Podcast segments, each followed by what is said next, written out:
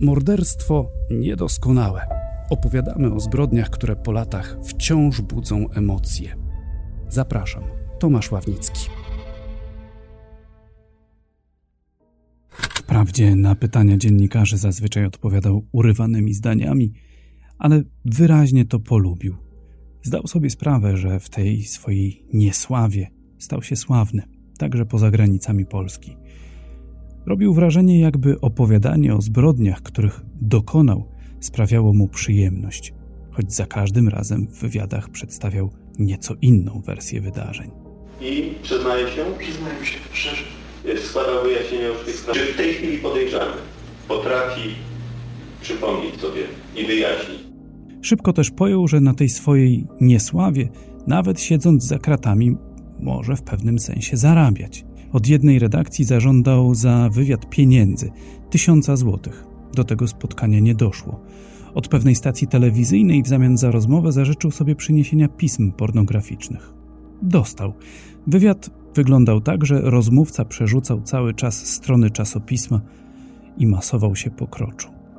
Gdy przyjechała do niego ekipa jednej z niemieckich stacji telewizyjnych, jakimś cudem dokonał z nimi handlu.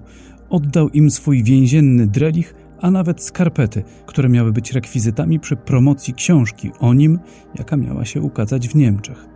To dlatego na ogłoszeniu wyroku pojawił się nie w drelichu, a w dresach. Bo niby upośledzony, ale sprytu mu nie brakuje, szczególnie gdy dba o własny interes. Tak jak teraz, gdy gmina postanowiła go wymeldować z domu, w którym mieszkał przed zatrzymaniem, a budynek wystawić na sprzedaż. Ale do tego dojdziemy potem. Najpierw chciałbym uprzedzić, że w tej historii, historii Leszka Pękalskiego, nazywanego też wampirem z Bytowa, wampirem stulecia czy hurtownikiem śmierci, pojawią się drastyczne opisy, raczej nieprzeznaczone dla uszu osób niepełnoletnich. Bo to, za co został skazany Pękalski, o co był oskarżony i do czego sam się przez pewien czas przyznawał, to coś zupełnie nie do pojęcia. Ohydne, odrażające. Magdalena Omilianowicz sprawie Leszka Pękalskiego poświęciła w sumie ponad 20 lat życia. Napisała o nim dwie książki, relacjonowała jego proces, skrupulatnie przewertowała 72 tomy akt jego sprawy. A wcześniej, jeszcze przed wyrokiem, jako pierwsza dziennikarka rozmawiała z nim w areszcie w Słupsku. Od niej też, rzecz jasna, Pękalski zażądał spełnienia pewnych zachcianek, co miało być warunkiem rozmowy. Czy łatwo było uzyskać to pozwolenie na spotkanie z Pękalskim w areszcie? To nie było trudne, ponieważ to nie były takie czasy jak dzisiaj, że wszystko, na wszystko trzeba było mieć papier, trzeba było mieć glejt. Wtedy po prostu to była ustna zgoda prokuratora. Także ja pojechałem do tego aresztu, szefostwo skontaktowało się z prokuratorem, czy ja rzeczywiście taką zgodę posiadam i nie było najmniejszego problemu, żeby się z nim spotkać. No, dzisiaj to jest niemożliwe, żeby rozmawiać z kimś, kto jeszcze nie został osądzony, także inne czasy, inne wymogi. A on sam chętny był do tej rozmowy? No, to wyglądało tak, że najpierw spotkałam się z jego wychowawcą, który dostarczył mi listę życzeń Pękalskiego. I to była bardzo, bardzo długa lista, na której były kilogramy cukru, kilogramy cukierków, skarpetki, gazety pornograficzne. No tak, to wielu dziennikarzy, którzy się z nim tak. spotykali, mówili, że koniecznie świerszczyki trzeba przynieść. Tak, tak, tak. No ja oczywiście wykreśliłam większość tych rzeczy. Kupiłam mu chyba kole, cukier, jakąś puszkę, to co było tam dostępne w tym kiosku. No i kiedy wprowadzono Pękalskiego na tą rozmowę ze mną, to pierwszą rzeczą, jaką zrobił, to zanurkował w tej reklamówce, czy na pewno wszystko, o co prosił, tam jest. Także zaczął, zaczął się od tego, że zaczął grzebać w reklamówce. I jak nie znalazł wszystkiego, okazał nie, jakieś on już niezadowolenie? wiedział, on już wiedział od wychowawcy, że to nie będzie, nie będzie spełniona to jego cała lista życzeń, że dostanie tylko część, no ale zgodził się na to. I mimo to rozmawiał chętnie. Tak, tak, tak. Rozmawiał chętnie. No takim znakiem charakterystycznym było to, że nie patrzył w oczy, patrzył cały czas, patrzył cały czas na stół. No oczywiście nie byliśmy sami, towarzyszył mi fotoreporter, towarzyszył nam też strażnik, no bo myślę, że bałabym się takiego spotkania sam na sam. To była długa rozmowa? Tak, to była długa rozmowa. Właściwie przez cały czas trwania rozmowy wracało pytanie z jego strony, czy na pewno nie zostanie skazany na karę śmierci. On się bardzo, bardzo bał wtedy o swoje życie. Mimo to, że było już moratorium na, nie było kary śmierci, y, nie było jeszcze dożywocia, no stąd też ten wyrok 25 lat więzienia, nie, nie kara dożywocia. Y, także Pękalski wielokrotnie Formalnie w kodeksie karnym jeszcze ta kara śmierci y, istniała. Tak, tak ale było moratorium, że... tak, już jej nie wykonywano. Więc on cały czas bał się tego, no i bał się też tego, co będzie, jeżeli mnie wypuszczą i y, jeżeli dopadną mnie rodziny ofiar, czy coś mi zrobią. Także bardzo, bardzo bał się o siebie. To hipotetyczne zagrożenie karą śmierci jest tu istotne. Najwyższy wymiar kary w kodeksie wówczas jeszcze był zapisany, jedynie wykonywanie kary śmierci było zawieszone. Nie istniało zaś w kodeksie pojęcie dożywocia, co też miało swoje konsekwencje, ale do tego jeszcze dojdziemy. Pękalski bardzo się bał, że zostanie skazany na karę śmierci. Gdy w rozmowach z adwokatami, policjantami i innymi aresztantami utwierdził się w przekonaniu, że kara śmierci mu nie grozi, zaczął mówić. Dużo mówić. Bardzo dużo. Wiedział już, że policja ma mocne dowody w sprawie zgwałcenia i zamordowania 17-letniej Sylwii R. ze wsi Darskowo, niedaleko Sławna. Wiedział też, że ciąży na nim wyrok za zgwałcenie 40-letniej Bernadety B. z jego rodzinnej wsi Osiek pod Bytowem. Uwaga, wyrok dwóch lat więzienia w zawieszeniu. No więc zaczął mówić o zabójstwie Danuty N. z Lęborka, o zamordowaniu policjanta Andrzeja M. w Słupsku, o zgwałceniu i zamordowaniu 11-letniej Małgosi K. ze wsi Papowo koło Wałcza, potem o Wacławie G. z Chwiramu, też koło Wałcza, o trzech kobietach z Torunia, o dwóch z Wrocławia, o Klarze G. ze Żnina, w akcie oskarżenia mowa była też o zamordowaniu ośmiomiesięcznego dziecka w Białymstoku, ale do tego Pękalski się nie przyznawał. Trochę już odsiedział i wiedział, że dzieciobójcy za kratami życia nie mają. Prokurator Mieczysław Buksa dał mu mapę, by na niej zaznaczył, które miasta Leszek odwiedził od 1984 do 1992 roku. Na mapie zaroiło się od punkcików, bo co jak co, ale geografię to Leszek lubił i podróżować po kraju także. Uwielbiał też jeść, bo w dzieciństwie w domu to raczej głodował. On w bezpośrednim kontakcie robił wrażenie no, bestii czy wampira bestii, tak jak pani zatytułowała, czy wampir zbytowa, tak jak wszyscy o nim mówili w gazetach.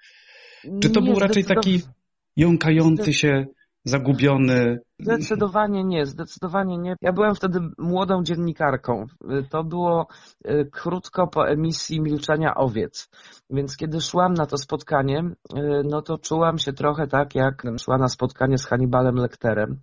Y, rzeczywistość okazała się zupełnie inna. Kiedy go wprowadzono, no to zobaczyłam zaniedbanego, niechlujnego mężczyznę, na którego na ulicy na pewno nie, no to był jego atut jako mordercy, ponieważ y, wszyscy wspominali, że on się zlewał z tłem, on był szary, on był niewidoczny. Takich ludzi się nie zauważa.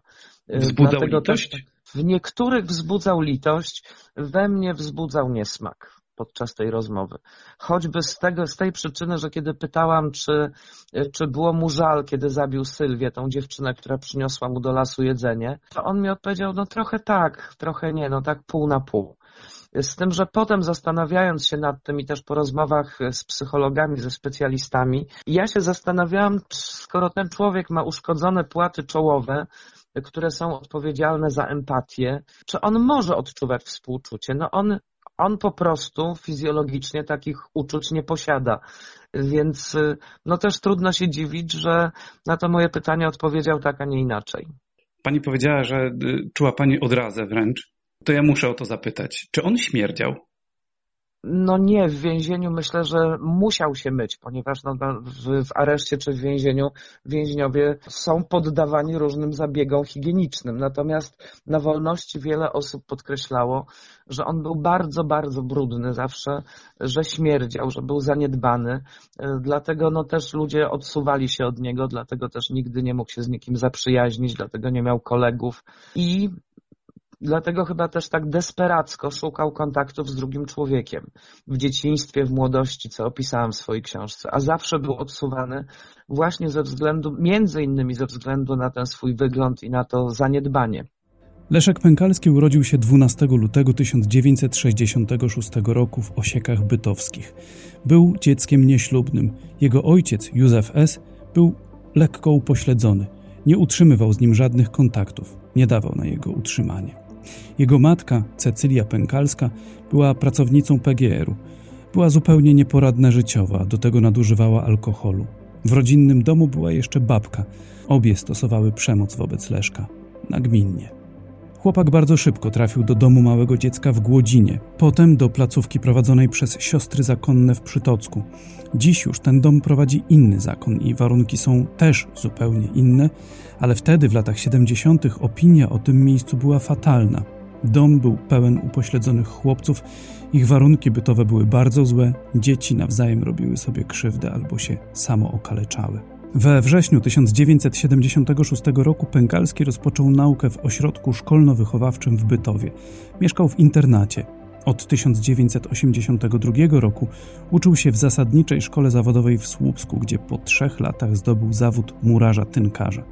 W czasie roku szkolnego mieszkał w internacie. W wakacje czy na ferie do matki raczej nie wracał. Wtedy jechał raczej do domu pomocy społecznej w Przytocku.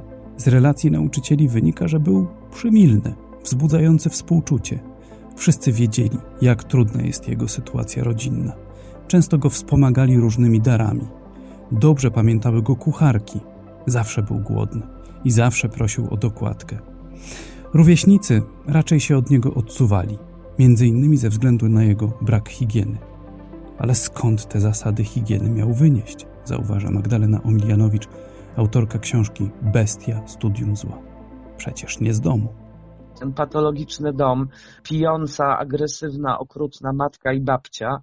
Y, no, matka, jak opisywali ją znajomi, która pracowała w PGR-ze, y, wracała w ubłoconych butach po dojeniu krów i ona w tych butach potrafiła się położyć do łóżka, y, więc no, on te wzorce wyniósł z domu.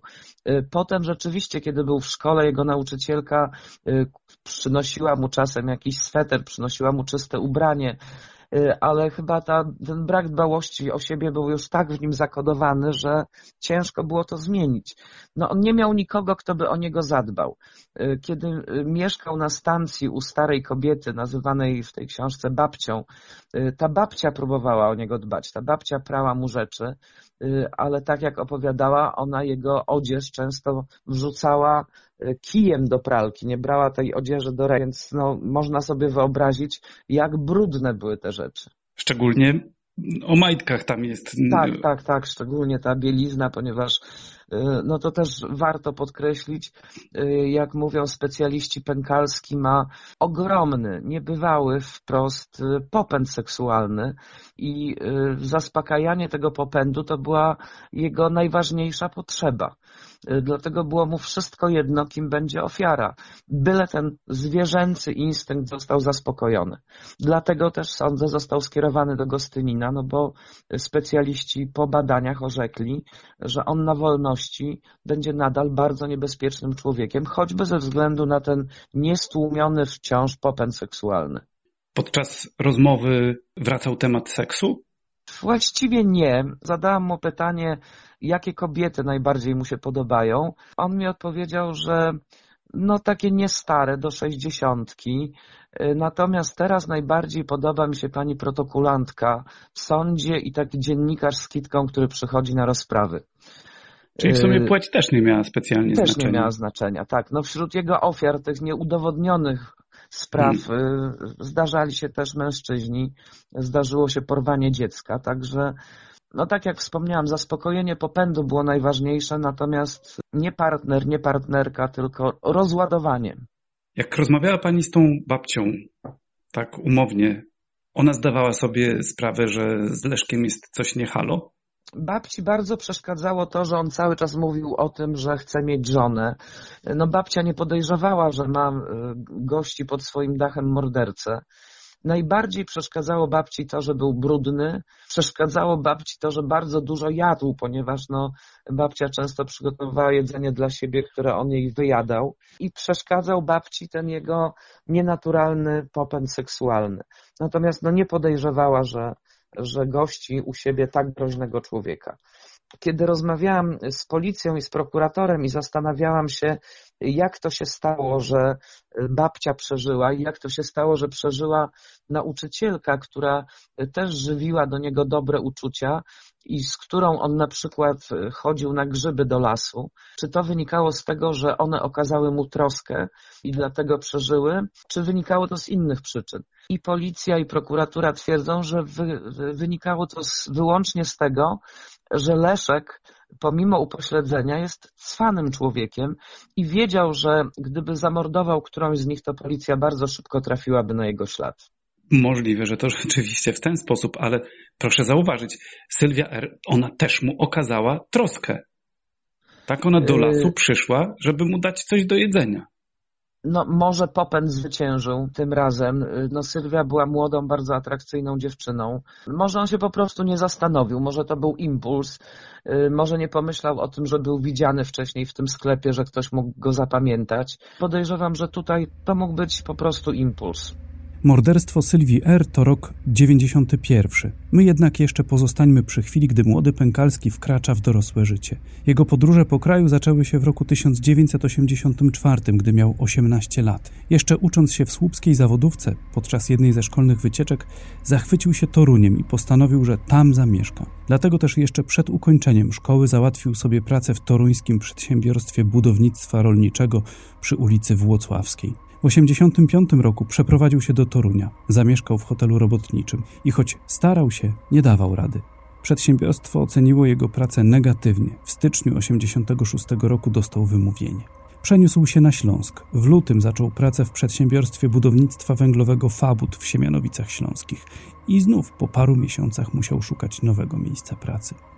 W czerwcu 1986 podjął pracę w katowickim rejonowym przedsiębiorstwie remontowo-budowlanym ale też skończyło się na pół roku zatrudnienia. W styczniu 1987 roku rozpoczął pracę w katowickiej hucie Beldon i tu też pracodawca szybko zorientował się, że Pękalski jest zupełnie niezaradny. Huta skierowała go na specjalistyczne badania lekarskie, m.in. do poradni zdrowia psychicznego. Lekarz z tej poradni uznał, że pacjent jest całkowicie niezdolny do pracy. Jeszcze przez parę miesięcy Pękalski pozostawał na zwolnieniu lekarskim, po czym przyznano mu grupę inwalidzką i rentę. Jednocześnie stracił prawo do mieszkania w hotelu robotniczym Huty Beldon, więc nie pozostawało mu nic innego, jak wracać w swoje strony. Przez pewien czas mieszkał w Osiekach z matką, do jej śmierci w 1988 roku. Potem krótko wynajmował pokój w Bytowie, a następnie wiosną 1989 przeniósł się do samotnie mieszkającej starszej kobiety Stefanii W., która otoczyła go troskliwą opieką, niczym wnuka, która prała mu nieziemsko brudne ubrania która go odratowała, gdy podjął próbę samobójczą i nałykał się leków, i której zwierzał się, że chce żeniaczki, że szuka żony. Więc jeździł i szukał po całej Polsce. Jak wyglądały te podróże i co się podczas nich działo, to wyszło potem. Pisał też listy do biur matrymonialnych. Przystąpił do świadków Jehowy, bo na ich spotkania przychodzą dziewczyny. Jak pan myśli, co w mężczyznach kobietom się podoba najbardziej? Zapytał wiele lat później Leszka Pękalskiego Edward Miszczak w programie Cela Numer. Jak kobieta patrzy na mężczyznę, tak? To co się podoba? Że członka ma między nogami mężczyzna. Takiego dużego nieraz. No i... no i co jeszcze podoba się? Tak swoim nerwowym, szybkim, urywanym głosem odpowiedział Pękalski, przez dłuższą chwilę zastanawiając się, czy kobiecie może coś się jeszcze w mężczyźnie podobać. Po długiej pauzie wymienił wygląd twarzy, kolor włosów czy coś. Pękalski przestał Stefanii W. płacić za wynajmowany pokój. Kobieta miała dość prania jego brudów i tego, że podkrada jej jedzenie. W czerwcu 90 roku musiał się wynieść. Przeprowadził się do swego wuja w Osiekach. Chwilę też mieszkał u swej siostry Joanny S. w Bytowie. Jej mężowi zwierzył się z tego, że ma nieokiełznany popęd seksualny. Szwagier wymyślił, że trzeba by kupić dmuchaną lalkę w seks shopie. Leszkowi pomysł z lalką bardzo się spodobał. Dał szwagrowi pieniądze na lalkę. Ten obiecał mu, że ją kupi, ale słowa nie dotrzymał. Pieniądze z renty Leszka przejadł. Może gdyby Pękalski miał tę lalkę, do co najmniej paru przestępstw by nie doszło. A tak. 9 lipca 1990 roku. Osieki bytowskie. Rodzinna wieś Pękalskiego. Czterdziestoletnia Bernadetta B. tuż po zmroku szła polną drogą do swojego domu. Nagle ktoś się na nią rzucił od tyłu, zaciągnął w żyto, zgwałcił i uciekł. Było ciemno, ale sprawca groził swojej ofierze, a ta z łatwością rozpoznała jego głos. W końcu we wsi wszyscy Leszka znali. Bernadetta B. sprawę zgłosiła policji, od razu wskazała sprawcę, ale organom ścigania jakby zupełnie nie zależało na jego ukaraniu. Skierowano Pękalskiego na obserwację psychiatryczną, on zaś przez prawie dwa lata się nie zgłaszał. Dopiero w kwietniu 1992 roku doprowadzono go na obserwację w szpitalu w Starogardzie Gdańskim. Przebywał tam do lipca, po czym wrócił do swojej wsi. Opinia biegłych brzmiała następująco. Poziom rozwoju intelektualnego Leszka Pękalskiego jest na pograniczu upośledzenia umysłowego, ale nie miał ograniczonej poczytalności, gdy gwałcił Bernadette B. Wyrok zapadł w listopadzie 1992 roku. Sąd rejonowy w Bytowie wymierzył Pękalskiemu dwa lata więzienia w zawieszeniu na pięć lat. Oczywiście, gdy wyszła sprawa Sylwii R., Sąd Wojewódzki w Słupsku to warunkowe zawieszenie uchylił. 26 czerwca 1991 roku. 17-letnia Sylwia R. była uczennicą zespołu szkół zawodowych w Bytowie.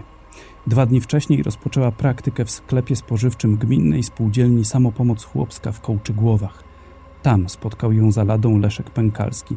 Miał przy sobie tyle pieniędzy, że starczyło mu ledwie na chleb, masło i dżem. Leszek pożalił się młodej praktykantce na swój los. Powiedział, że nie ma co jeść, że śpi w lesie, w paśniku. A ona go pożałowała. 25 czerwca poszła do lasu z koleżanką. W umówionym miejscu spotkała się z 25-letnim wówczas Pękalskim. Przyniosła mu bułkę. Następnego dnia też obiecała, że coś mu przyniesie. Gdy po praktykach w sklepie szła drogą przez las w kierunku swego domu, niosła dla Pękalskiego kawałek kiełbasy i pieczywo. Ten na nią czekał w umówionym miejscu w przydrożnym rowie. Pękalski wyszedł z ukrycia dopiero wtedy, gdy upewnił się, że w pobliżu nie ma innych osób. Sylwia dała mu kiełbasę oraz chleb i zgodziła się na krótką rozmowę. Usiedli w przydrożnym rowie. Bardzo mi się podobasz, zostań moją żoną, poprosił niespodziewanie i zaczął się do niej przytulać. Obejmował ją i głaskał po nogach. Sylwia odepchnęła go i podniosła się. Chciała odejść. On usiłował ją zatrzymać, ale wyrwała mu się i porzucając w rowie reklamówkę z zakupami wybiegła na jezdnię. Dogonił ją i wciągnął do lasu, bijąc pięściami po głowie. Wzywała pomocy, więc jedną ręką zatkał jej usta, a drugą zadawał kolejne ciosy, aż upadła na ziemię. Później twierdził, że wpadł w szał, dlatego że go nie chciała. Uchwytem od kosztura bił ją w głowę, aż zaczęła krwawić. Straciła przytomność. Ciągnął ją kilkadziesiąt metrów w głąb lasu. Wtedy zsunęły się jej buty z nóg. Jeszcze dawała oznaki życia. Pochylił się nad nią i zacisnął apaszkę, którą miała na szyi. Po uduszeniu Sylwii podciągnął w górę jej bluzkę i stanik. Rozkoszował się oglądaniem i obmacywaniem jej piersi, a potem narządów płciowych, które też obnażył, ale twierdził, że ich nie dotykał. Po nasyceniu się widokiem nagiej dziewczyny odszedł nieco dalej i onanizował się. Tego dnia jeszcze kilkakrotnie wracał do obnażonych zwłok i przyglądał się im, a po odejściu nieco dalej masturbował się. Gdy miał się udać na spoczynek, ciało dziewczyny ukrył pod nisko opadającymi gałęziami dużego świerku. Zabrał swojej ofierze drobną sumę pieniędzy oraz dwa pierścionki, kolczyk i zegarek. Rzeczy te później sprzedał. Noc spędził w pobliskim paśniku dla zwierząt. Tu też onanizował się, spoglądając na figi i rajstopy Sylwii, które zabrał ze sobą. Rano poszedł do zwłok, a później włóczył się po okolicznych lasach. Wrócił na miejsce zbrodni wieczorem. Ciała Sylwii już nie było. Tak te wydarzenia opisywał w książce Bestie, zbrodnie i kary Janusz Maciej Jastrzębski. Zmasakrowane ciało Sylwii znalazł jej tata. Sprawą zajęły się policja i prokuratura. Szczęście, jakkolwiek by to brzmiało, że sekretarka w bytowskiej prokuraturze skojarzyła, iż sprawa gwałtu na Bernadecie B i sprawa zgwałcenia i zamordowania Sylwii R wyglądają nieco podobnie, że to mógł być ten sam sprawca. W ten sposób, już po wyroku w sprawie gwałtu na 40-letniej mieszkance Osieka, podejrzenie padło na Pękalskiego. W grudniu 92 roku policjanci zapukali do mieszkania wuja Pękalskiego. Leszka nie zastano. Mężczyzna wyjaśnił, że siostrzeniec się z nim pokłócił i teraz mieszka gdzieś w Bytowie. W pokoju Pękalskiego znaleziono m.in. damską i dziecięcą bieliznę, a na niej liczne ślady spermy. Policjanci odnaleźli Pękalskiego w Bytowie. Wezwali go na przesłuchanie. Mówili, że chodzi o jakieś włamanie do sklepu, którego mógł być świadkiem. W komisariacie długo rozmawiano o tym, co robił w czerwcu 1991 roku. Gdy prowadząca przesłuchanie policjantka nagle zmieniła temat i zapytała wprost: Dlaczego zabiłeś Sylwię? Pękalski najpierw wpadł w histerię, a potem przyznał się i o wszystkim ze szczegółami opowiedział. A następnie o licznych innych zbrodniach. Za kratami zaczął prowadzić pamiętnik, w którym opisał 64 przypadki zabójstw, jakich miał dokonać. Współwięzień Roman Z wyniósł pamiętnik za mury aresztu i sprzedał go redakcji nieistniejącego już dziś Wieczoru Wybrzeża. Gazeta opublikowała dwa fragmenty, po czym pamiętnik skonfiskowała prokuratura. Później przed sądem Pękalski mówił, że pisał ten pamiętnik na prośbę Romana Z, bo ten obiecywał, że załatwi mu miejsce w szpitalu psychiatrycznym. W momencie, kiedy pani już była w areszcie, już ten pamiętnik jego był znany? Tak, z tym, że ja wtedy nie miałam dostępu do akt sprawy. Pozwolono mi na spotkanie z nim, natomiast do akt dziennikarze nie mieli wglądu. Także ja poznałam ten pamiętnik dopiero pracując nad, nad książką Bestia, czyli wiele, wiele, wiele lat później. Rozmawiając z nim, miała pani wrażenie, że to jest rzeczywiście osoba, która mogła zabić te kilkadziesiąt osób? Mając wiedzę o tym, jak wyglądało morderstwo Sylwii. Ja byłam już wtedy też po rozmowach z policją, z prokuraturą, z bliskimi Pękalskiego, więc zdawałam sobie sprawę z tego, kto przede mną siedzi. Gdybym tej wiedzy nie miała, nie wiem, czy ten człowiek wzbudzałby strach. On wzbudza raczej niechęć, nie wzbudza strachu. Ma coś, coś nieprzyjemnego w oczach, natomiast nie, zdecydowanie on nie wzbudzał lęku i myślę, że no to też, też z tego y, wynikało to, że jego ofiary się go nie bały. Raczej czuły niechęć, obrzydzenie. A już potem, gdy miała Pani możliwość prześledzenia tych akt sprawy, umie Pani powiedzieć, y, czy faktycznie Leszek Pękalski jest sprawcą tej jednej zbrodni, czy 17, o którego oskarżała prokuratura, czy blisko 70, y, o których on sam pisał w pamiętniku. Ja myślę, że nikt tak naprawdę nie jest w stanie odpowiedzieć na to pytanie, ile ofiar Leszek ma na koncie. Śledztwa zostały tak zaniedbane, tak położone. Ja też piszę o tym w książce, ile błędów popełniono y, podczas prowadzenia y, dochodzeń. Ja jestem przekonana, że Leszek ma na swoim koncie więcej ofiar. Y, poza tym weźmy jeszcze pod uwagę rzecz taką. Jeżeli pierwszą ofiarą Pękalskiego była kobieta, którą zgwałcił, kobieta z jego wsi, Kolejną ofiarą była Sylwia, którą zamordował i na której dokonał aktów nekrofilskich. To co byłoby kolejne? Jakie zdarzenie mogłoby być kolejne? Więc ja sądzę, że to jest bardzo niebezpieczny człowiek. Uważam, że tak jak wspomniałam, policja, wtedy jeszcze milicja, popełniła bardzo wiele błędów. Ile jest tych ofiar, nie dowiemy się nigdy, chyba że Archiwum X, które wciąż pracuje nad niektórymi sprawami, znajdzie coś nowego i, no i być może wtedy się dowiemy o kolejnych ofiarach. No żeby go skazać na ówczesny najwyższy wymiar kary, czyli te 25 lat więzienia, no wystarczyło udowodnić jedną zbrodnię i tyle. Ale to nie jest rozwiązanie sprawy. No tak, no jesteśmy mądrzy po szkodzie, bo też była dyskusja o tym w, przy sprawie Trynkiewicza, prawda, że, że został skazany na 25 lat. No, trwa też debata prawników, ludzi zajmujących się takimi sprawami na temat Gostynina. To na pewno nie jest dobre rozwiązanie. Tu zgadzam się z panią profesor Płatek, że właściwie ci ludzie są karani po raz kolejny za to, za co już zostali skazani i karę odbyli. Tylko ja wciąż pytam, co z tymi ludźmi zrobić. Ja w swojej książce cały czas stawiam to pytanie, gdzie tacy ludzie powinni trafić. No bo jeżeli wrócą do społeczeństwa, to są, to są bomby z opóźnionym zapłonem. Co wtedy, jeżeli Pękalski kogoś zabije? Nie będzie nikogo odpowiedzialnego, tak? No bo zgodnie z prawem odsiedział wyrok, wrócił do społeczeństwa, nie będzie winnych. Więc ja też uważam, że Gostynin to nie jest dobre wyjście, No ale chyba póki co innego wyjścia nie ma. Zanim weszła ustawa o bestiach, ta jedna z mieszkanek wsi bardzo się bała, że on wróci i ona będzie pierwsza, no bo to dzięki niej wszystko się wydało. Ja myślę, że wielu ludzi było przerażonych tym, że Pękalski wyjdzie. Y, no tym bardziej, że on lubił się przemieszczać.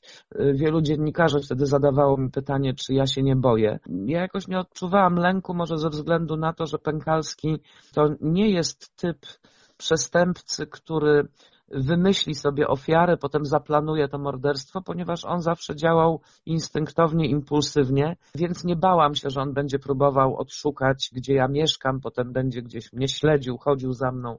Nie miałam takich lęków. Natomiast y, no, ten lęk, który towarzyszył wszystkim, był taki, że nikt nie będzie wiedział, gdzie on jest.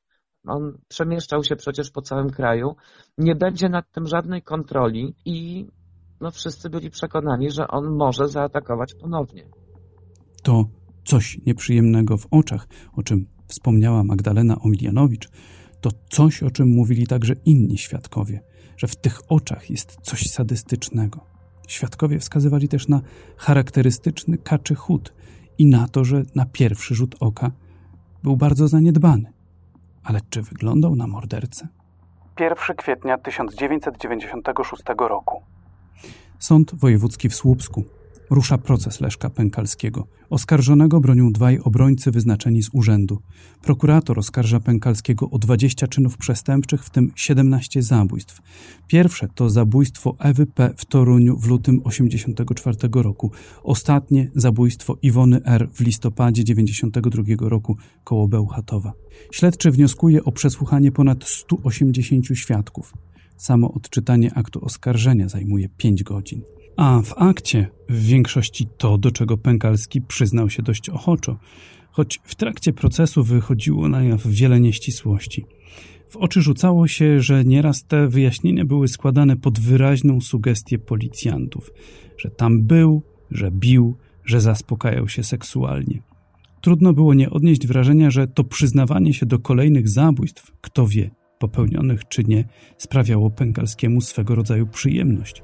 Była to dla niego atrakcja, bo każde przyznanie się oznaczało podróż do innego miasta na wizję lokalną. Znów brano manekina, znów mógł pokazać do policyjnej kamery, jak manekinowi ściągał majtki. Czy to jest to? To jest ta rączka od kostura. Tak, Jest pan pewien tego? tak, bo to poznaję po sprawie. Po czym pan poznaje? Po sprawie, Po sprawie. tak. Czy mogła być taka sytuacja, że zabrał jej portfel podejrzany tej dziewczynie? Tak, tak. Oprócz tej kurtki Tak, jeszcze z- portfel zabrał? portfel Czy wiem, tam że zabrał. torebkę, torebkę i gdzieś to te- wyrzucił? Torebkę nie wiem, ale portfel to pamiętam, zabrałem. Przestępstwa w Lęborku dopuściłem się pod koniec tygodnia. Mógł to być piątek lub nawet sobota. Pamiętam, bo zaraz po tym zdarzeniu była niedziela. Kobieta zaatakowana przeze mnie miała biżuterię. Łańcuszek był bardzo cienki i też koloru żółtego. Pamiętam, że zerwałem go z szyi tej kobiety. Łańcuszek przerwał się wtedy w dwóch miejscach i nie nadawał się już do niczego. Co do pierścionków, to chcę powiedzieć, że po zdjęciu z palców powypadały mi w śnieg. Znalazłem tylko dwa z nich. Ja chcę uzasadnić, dlaczego zabierałem ofiarom wartościowe rzeczy i sprzedawałem je. Ja musiałem tak postępować, bo nie miałem pieniędzy na życie. Wujek każdego miesiąca zabierał mi pieniądze z renty na zapłacenie czynszu i należności za gaz i światło. To wszystko było płacone z moich pieniędzy. Swoją wypłatę wujek przepijał. Ja nie planowałem zaatakować tej kobiety i w żaden sposób się do tego nie przygotowywałem. Napadłem na nią niespodziewanie. Wtedy byłem spragniony żeniaczki i szukałem kobiety. Po awanturze z wujkiem tak mi się chciało żenić i mieć swój dom. W rowie rozebrałem tę kobietę i chciałem się zaspokoić. Wkładałem jej palce do odbytu, odbywałem z nią stosunek, wkładając członek do jej pochwy. Miałem wytrysk, ale to nie było do środka kobiety. Mam wielki kłopot ze swoim seksem od 18 roku życia. Nigdy nie wiem, kiedy się pojawi wielki popęd płciowy. Zawsze jest tak niespodziewanie i ja sobie z tym nie mogę poradzić. Jestem wtedy bardzo nerwowy, dlatego muszę napadać na kobiety, jak mam potrzebę seksualną. Chcę, żeby to wszystko, co zrobiłem, było ocenione przez psychiatrów. Uważam, że jestem chory. Ja się denerwuję i za dużo myślę. Denerwuje mnie to, że nie mam dziewczyny. To fragmenty wyjaśnień Pękalskiego w sprawie zabójstwa Danuty N. z Lęborka z lutego 91 roku. Pękalski czynnościom seksualnym oddawał się wtedy, gdy kobieta już nie żyła. Akt oskarżenia pełen był tego typu relacji, wraz z wyjątkowo drastycznymi opisami obrażeń, jakich doznawały ofiary. Tak miało wyglądać w wydaniu wampira zbytowa poszukiwanie żony. No właśnie, gdyby może miał tę lalkę z seks shopu. Siostra zerwała z nim y, wszelkie kontakty, podobnie jak mąż siostry. Y, oni akurat nie byli chętni do rozmowy. Y, no może dlatego, że no, nie chcieli być napiętnowani zdecydowanie. No, ta słynna historia lalki, lalki z seks shopu, na którą Leszek uzbierał pieniądze, natomiast jego szwagier te pieniądze zdefraudował. No więc też trudno się dziwić, że nie chcieli rozmawiać z dziennikarzami. Bo możliwe, że miał wyrzuty sumienia, że gdyby kupił tą lalkę, to Możliwe, trochę by chociaż, rozwiązało problem. Chociaż będąc w jednym z programów telewizyjnych spotkałam się z Justyną Poznańską, najlepszą polską profilerką i zadałam jej pytanie, gdyby Leszek dostał tą lalkę, czy nie byłoby ofiar, czy, czy Leszek by wtedy nie zabijał. I ona powiedziała ciekawą rzecz, że tak, gdyby to był jego pierwszy kontakt seksualny z tą lalką, to być może ta lalka spełniałaby jego potrzeby. Natomiast jeżeli on zabił, a potem by dostał lalkę, prawdopodobnie nie, ponieważ y, ten mechanizm wdrukowania tego pierwszego zachowania seksualnego jest tak silny, że on potrzebowałby takiego bodźca, a nie lalki. No bo tu ewidentnie kolejność była taka, że on zabijał, potem uprawiał seks a potem uprawiał seks, tak. Bo ofiara nie no stawiała... tak było w przypadku Sylwii. Nie stawiała oporu. Tak, On... ta pierwsza ofiara prawdopodobnie dlatego przeżyła, że udawała, że nie żyje. On jeszcze za krat próbował znaleźć jakiś kontakt z kobietami, bo to w sumie było jego takie... Taka idea fix, tak. Tak, no to co go tak, jakoś napędzało mnóstwo... w ogóle do, do, jakiegokolwiek życia i działania. On pisał mnóstwo listów z więzienia. On był przez jakiś czas, y, był świadkiem Jehowy, ale też jak, jak twierdzili ci, którzy się z nim wtedy stykali, nie dlatego, że, że wyznawał tą wiarę, tylko dlatego, że na te spotkania przychodziły dziewczęta. Dlatego on się tam pojawiał, więc pisał też do tych swoich braci Jehowych, no ale nikt na te listy nie odpowiadał. Proces Leszka Pękalskiego prowadzony był bardzo sprawnie. Zaczął się w kwietniu 96 roku, zakończył w grudniu. W jego trakcie nie brakowało emocji i zwrotów akcji. Najpierw Pękalski przyznawał się do wszystkiego, potem odwołał część swoich wyjaśnień, przyznając się tylko do części zarzucanych mu zabójstw, a później w czerwcu oświadczył, że nie zabił nikogo i że przyznanie się do winy wymuszono na nim, grożąc mu pałką, a on jest słaby psychicznie. Gdy nie ma jednoznacznych dowodów, należy sprawę rozstrzygać na korzyść oskarżonego. Sąd w Słupsku zaś uznał, że mocne dowody są jedynie w sprawie zabójstwa i zgwałcenia Sylwii R. 9 grudnia 1996 roku. Sąd Wojewódzki w Słupsku. Sędzia Andrzej Cyganek wymierza Pękalskiemu najwyższą możliwą wówczas karę 25 lat więzienia. Stwierdza, że Pękalski stanowi poważne zagrożenie dla porządku prawnego, a w związku z tym prognoza jego społecznego funkcjonowania jest niekorzystna, negatywna. Obrońcy wnoszą o uniewinnienie. Sam Pękalski prosi, żeby go umieścić w szpitalu psychiatrycznym, ale gdzieś z dala od rodzinnych stron, bo przyznaje, że tu, blisko, bałby się o swoje bezpieczeństwo. Pękalski trafia do aresztu w Starogardzie Gdańskim. Jak się potem okazuje, spędzi tu ponad 20 lat. Wyrok słupskiego sądu później podtrzymuje i sąd apelacyjny, i sąd najwyższy. Zgodnie z prawem od 2007 roku Pękalski mógł się ubiegać o przedterminowe zwolnienie i się ubiegał. Co roku pisał prośbę i co roku była ona odrzucana. Gdy powoli zbliżał się finał jego odsiadki, jego i choćby Mariusza Trynkiewicza, politycy przypomnieli sobie o problemie, jak to wówczas nazywano, problemie bestii, wyjątkowo okrutnych przestępców, którzy w latach 90. byli skazywani na 25 lat więzienia. Tak powstała tak zwana ustawa o bestiach i Krajowy Ośrodek Zapobiegania Zachowaniom Dyssocjalnym w Gostyninie, gdzie został umieszczony Pękalski, i pewnie już tam pozostanie do końca życia. Myśli pani, że on kiedykolwiek będzie próbował wyjść na wolność?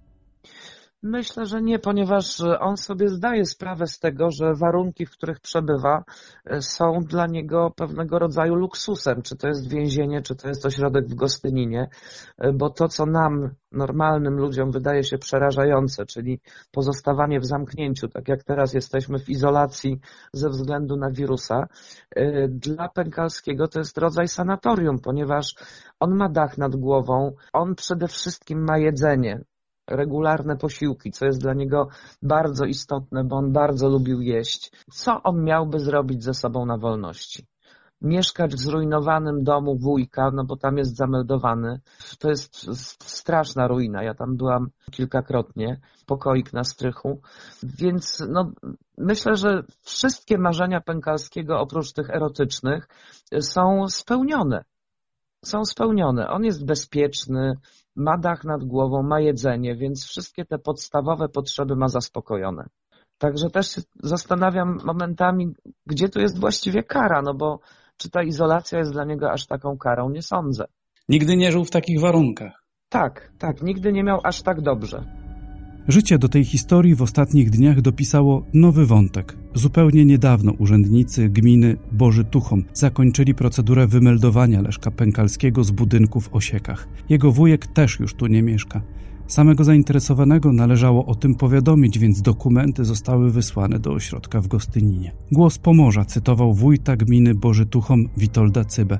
Ten zaś informował, że Pękalski zadzwonił do urzędu z ośrodka w Gostyninie. Rozmawiał z moją pracownicą. Nie chciał, aby go wymeldowywać. Dopytywał o zdrowie swojego wujka, gdzie mieszka. Był bardzo zainteresowany tym, jak nastawieni są do niego ludzie w samych osiekach. Mówił z sentymentem o tej miejscowości, że chciałby tu wrócić. Dom po Pękalskim to właściwie część bliźniaka plus kawałek działki. Gmina wyceniła wartość nieruchomości na 50 tysięcy i zamierza ją w przetargu wystawić na sprzedaż. Już dziś wiadomo, że chętnych nie zabraknie. O zgrozo. Są tacy, którzy chcieliby tu zorganizować Muzeum Wampira Zbytowa. Wójt się tym nieco przeraził. Jak przyznał, wolałby, aby gmina była słynna z czystych jezior i powietrza, a nie z historii mordercy, ale jednak z planów sprzedaży domu po wampirze Zbytowa nie rezygnuje.